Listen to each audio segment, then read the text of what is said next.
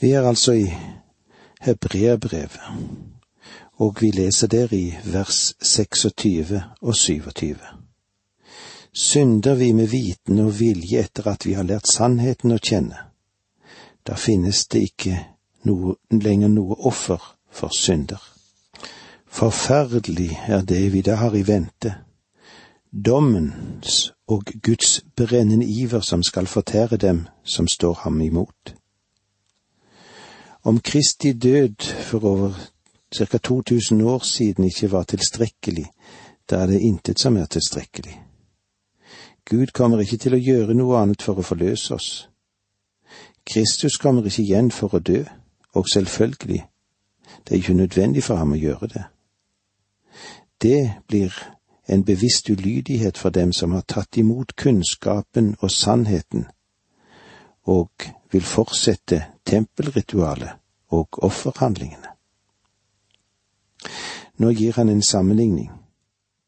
I vers 28. Når noen forkaster Moseloven, møter han ingen barmhjertighet, men må dø på to eller tre vitners ord. Legg merke til sammenhengen. Vers 29. Hvor mye strengere straff synes dere ikke den fortjener som har trådt Guds sønn under fot? Vanhelliget paktsblodet som han selv er blitt hellig ved, og spottet nådens ånd? Dette er kanskje det sterkeste og mest alvorlige uttrykket i Guds ord. Som han selv er blitt helliget ved, henvise til Kristus. Det henvises til Guds sønn. De korsfestet selv Guds sønn på ny, som det står i Hebrebrevet 6.6. Å handle som om Kristi død ikke er tilstrekkelig for å løse syndespørsmålet, og fortsette som om han ikke var død, er å behandle Kristi blod som noe du vraker. Kunnskap skaper ansvar. Hvis du etter at du har hørt evangeliet vender ryggen til Jesus, så er det noen som burde fortelle deg at du går fortapt. Og nå er det ikke jeg som sier det, men det er Guds ord som sier det. La oss gå tilbake til vers 26. Synder vi med vilje? Ja, hva er det? Jo, det er noe absolutt, det. Det betyr ikke bare et fall eller å ha uoppgjorte synder på samvittigheten, men det betyr å gi seg hen i synder som han har beregnet. Syndens forlatelse innbefatter aldri syndens tillatelse. Her er det imidlertid neppe tale om bare et enkelt fall i synd. For i menigheten i Korint fantes en åpenbar grov synder, som ikke ville erkjenne sin synd, og som av den grunn måtte støtes ut av menigheten men selve den utstøtelse, den hadde et klart positivt formål. For at hans sjel kan bli frelst på den Herre Jesu Kristi dag. Den synd som er av den beskaffenhet, da er det ikke mer tilbake noe offer for synder. Vers 28 Når noen forkaster Moseloven, møter han ingen barmhjertighet, men må dø på to eller tre vitners ord. Den synd som ikke er mer tilbake noe offer for. Hva er det? Jo, det er synd mot den treenige Gud. Og da blir det mye større og verre straff. Den straff som Jesus taler om i Lukas tolv, frykt for ham som har makt både til å slå i hjel og deretter kaste i helvete. Den som har trådt Guds sønn under føttene og ringaktet paktens blod, er den som bevisst og overlagt tramper på det som før var det aller helligste for ham. Og i stedet for å ta tilflukt til paktens blod, bryter han pakten ved å akte den ringe og uten noen betydning. Og denne forakt og ringakt for Guds sønns soningsblod er så stor at han håner Nordens ånd. Han spotter den ånd som søker og tukter å drive synderen til å søke nåde mens det er nådetid. mens Ånden også minner han om at ved nådens blod er han en gang helliget i det Jesus har gjort for oss. Vers 30 Vi kjenner jo Han som har sagt, Straffen hører meg til, jeg skal gjengjelde, og videre Herren skal dømme sitt folk. Gud skal dømme. Han er den suverene hersker over universet. Vi må alle stå frem for ham. Gud har en suveren rett til å dømme, og den har han ikke gitt til noen annen. For når tid, nå er tiden kommet da dommen skal begynne, og den skal begynne med Guds eget folk. Men kommer dommen over oss først, hvordan går det da til slutt med dem som er ulydige mot Guds evangelium? Og er det vanskelig for den rettferdige å bli frelst, hvordan skal det da bli av den ugudelige og synderen? Hebrebrevet 10.31 Det er forferdelig å falle i den levende Guds hender. Vi må vel kunne si at dette er et interessant vers, og eh, det vil lønne seg å bruke litt tid på dette. Dette verset dreier seg om kristne så vel som ikke-kristne. Det er en fryktelig ting å falle i den levende Guds hender. I Esra-boken 7.9 leser vi Esra hadde fastsatt avreisen til Babylonia til den første dagen i den første måneden, og den første dagen i den femte måneden kom han til Jerusalem. For hans Gud holdt sin gode hånd over ham. I dette verset er Guds hånd over denne mann til det som godt er. Og Gud ønsker å legge sin hånd på deg til det gode. Men noen ganger legger han en ganske tung hånd på sine barn han tukter dem. Jeg har stått under Guds tukt, eller som vi sier, han tar oss til vedskjulet av og til. Kanskje du òg har vært der. David hadde vært der, og han sier i Salme 32, 4 slik, For din hånd lå tungt på meg dag og natt. Min livskraft tørket bort som en eng i sommerheten. Hva var det Gud gjorde? Han tuktet David. David prøvde å dekke over sin synd, men Gud tvang ham til å bekjenne den og ta et oppgjør med den. Av samme grunn legger Gud av og til sin tunge hånd på oss, vi som er Guds barn. Men Guds tuktende hånd er vesentlig forskjellig fra den dømmende hånd. Han sier, Hevnen hører meg til, jeg vil gjengjelde. Gud gjengjelder ikke tilfeldig eller ut ifra tvilsomme motiver. Nei, Gud kommer til å dømme synden, og det er noe vi trenger å understreke i våre dager. Hør hva salmisten har å si oss om dette. Herren har i sin hånd et beger med skummende krydret vin. Han skjenker i av vinen, og alle onde på jorden må drikke.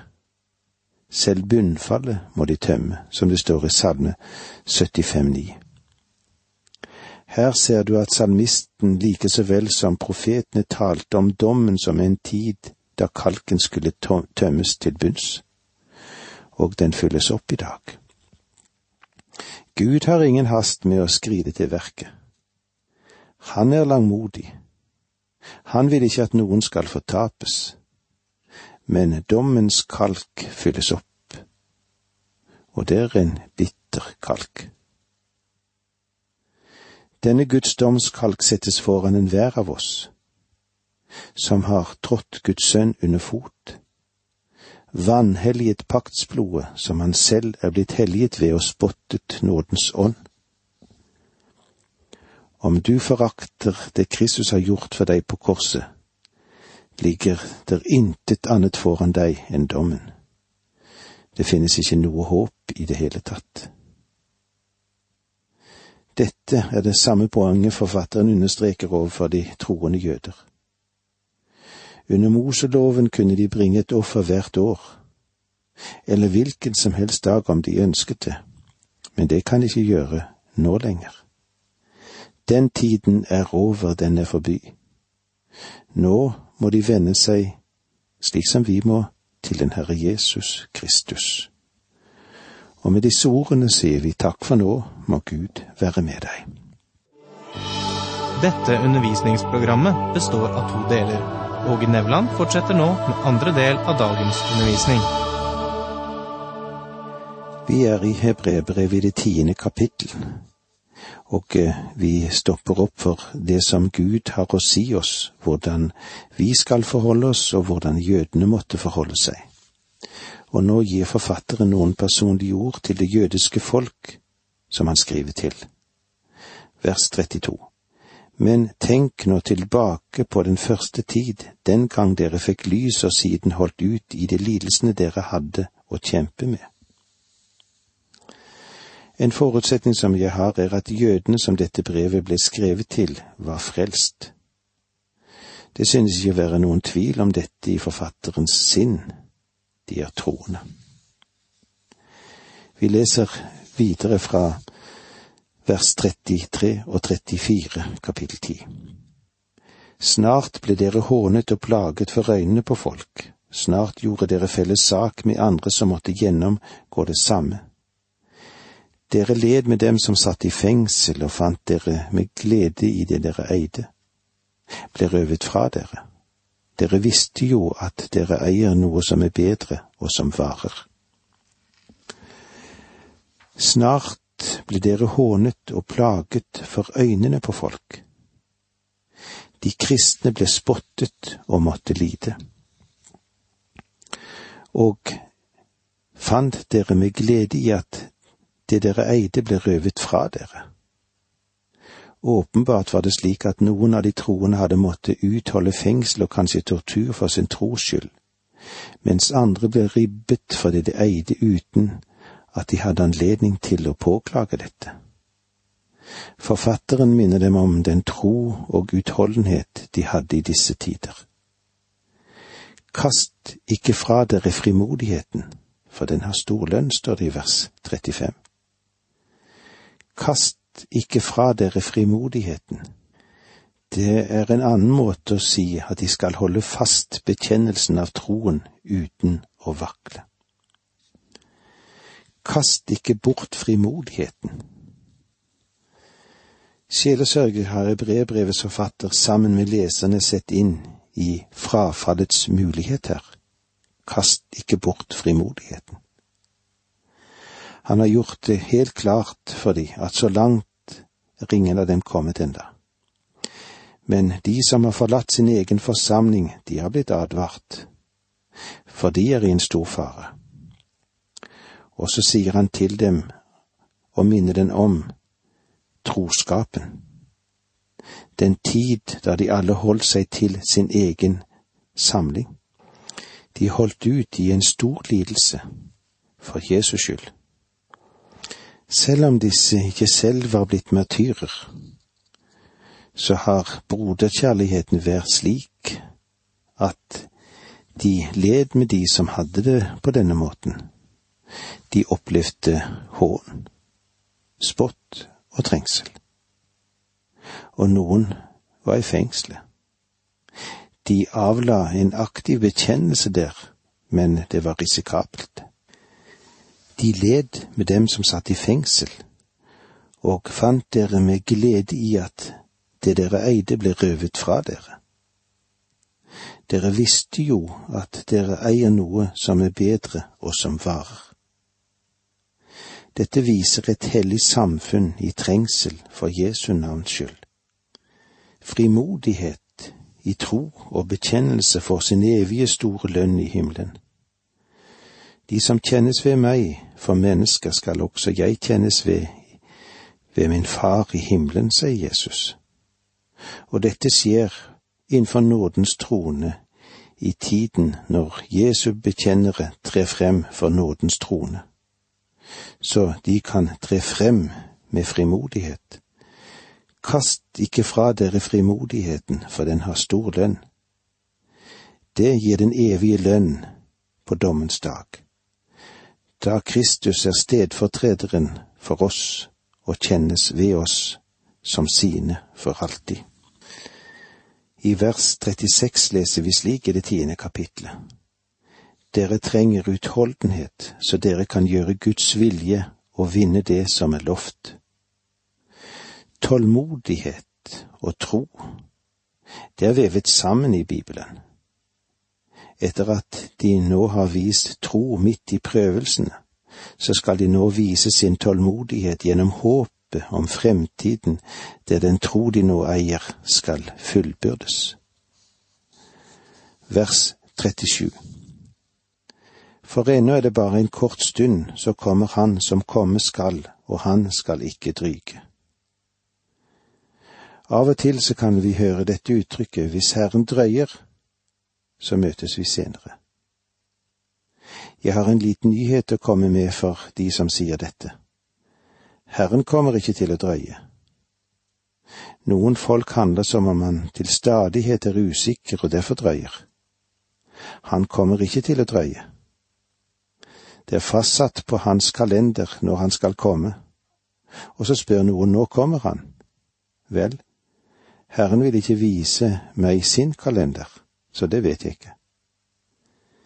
Det virker som om enkelte har tittet for Herre i kortene, men jeg tror at de har tittet på menneskene sine kalendere. For ingen har sett Guds kalender. Men vi kan være sikre på at Kristus vil komme til den dag som er fastsatt. Det er like sikkert som at han kom første gang til jord slik Gud hadde bestemt. For ennå er det bare en kort stund, så kommer Han som komme skal og han skal ikke dryge. Vi leser videre fra vers 38. Min rettferdige skal leve ved tro, men trekker han seg tilbake, har jeg ikke behag i ham. Dette verset er et sitat fra profeten Habakuk, versene i kapittel to, versene tre og fire. Det er også sitert dette i Romerbrevet og i Galaterbrevet, og det er et viktig vers og hvert brev som siterer dette verset, har en liten forskjellig understrekning av det. I romerbrevet ligger vekten på min rettferdige skal leve ved tro. Hvordan Gud rettferdiggjør synderen. Og her i hebreerbrevet ligger vekten på min rettferdighet skal leve ved tro. Det er eh, flere henvisninger til en levende Gud, og i dette brevet får vi høre om en levende forbeder. Han er den samme som døde på korset for oss og ble oppreist fra de døde. Vekten ligger på hans oppstandelse og at han er den levende Kristus ved Guds høyre hånd. Og fordi vi tilhører ham, har en levende Gud og en levende frelse ved Guds høyre hånd, så skal vi leve ved tro. Som jeg har sagt tidligere, så er vår tro ikke et sprang ut i mørket. Det hviler på Guds ord. De rettferdige skal leve ved tro. Går vi så til Galaterbrevet, så understreker Paulus troen. Den rettferdige skal leve ved tro. Men trekker han seg tilbake, har ikke behag i ham trekke seg tilbake betyr å ta ned seilet. Vers 39 kapittel 10 Men vi er ikke av dem som trekker seg tilbake og går fortapt. Vi er av dem som tror og berger vår sjel. De som fikk dette ordet, hvordan var det med de? Jo, de var på vei bort ifra Gud. Det kunne visst ikke pekes på noe stort ytre fall, det er så men den indre utvikling førte dem bort fra sentrum. De fleste frafalne seg litt etter litt tilbake inntil igjen en dag satt uten liv i Gud. Det er ikke alltid lett å peke på hvordan denne utviklingen foregår, men ordet her lar oss få vite noe om denne sak. Det taler om at han trekker seg tilbake og går fortapt. Dette blir satt opp som en motsetning til troen. og det vil undre meg om ikke vi kjenner til denne fare. Fristelsen til å trekke seg tilbake, den har nok alle kristne kjent til. Vi har vært hos Gud med våre synder dag etter dag, uke etter uke, måned etter måned, år etter år. Og kanskje vi hadde ventet at vår utvikling skulle ha blitt helt annerledes enn det den ble. Vi tenkte kanskje at seieren skulle føles så mye større dag etter dag. Men hva skjedde? Vi følte kanskje at avmakten ble større. Og hva hendte da? Jo, da kom motløsheten inn. Da kom fristelsen til at nå gir vi opp. Du må ikke gjøre det, kjempende venn. Undra deg ikke fortapelsen, men tro på ny at Kristus er din frelser. Vær i det rensende blod med dine synder. Der kan du finne din redning. Du har vært det før. Den som unndrar seg, hva med han? Den vil gå fortapt. Han vil miste nåde over sitt liv. Måtte det være slik at Gud fikk vedlikeholde vår sjel, at vi får lov til å være med ham og kjenne at Hans nåde, fred og tilgivelse lever i oss. La oss gjenta verset, men vi er ikke av dem som trekker seg tilbake og går fortapt. Vi er av dem som tror seg berger vår sjel. Hebrebrevets forfatter har ikke skrevet noe om at de hadde dratt seg tilbake, men han taler om faren ved å gjøre det, og han gir de denne advarselen. Siden trekke seg tilbake betyr å berge seilet så fremstår den troende som en sjømann som skulle sette til alle seil. Og det er det forfatteren har fortalt disse menneskene, la oss fortsette, du må ikke gi opp. Hans tanke her er at en troende må kunne låre seilene, han må kunne stramme på grunn av mismote, på grunn av forfølgelse, på grunn av vanskeligheter, på grunn av depresjon. Men siden vi har en levende frelser, så la oss fortsette. La oss sette alle seil. La oss gå fremad for Kristus. Kristne venner, her er selve nerven i dette fantastiske brevet. La oss fortsette. La oss gå videre med Gud og for Gud. Og med disse ordene sier vi takk for nå, må Gud være med deg.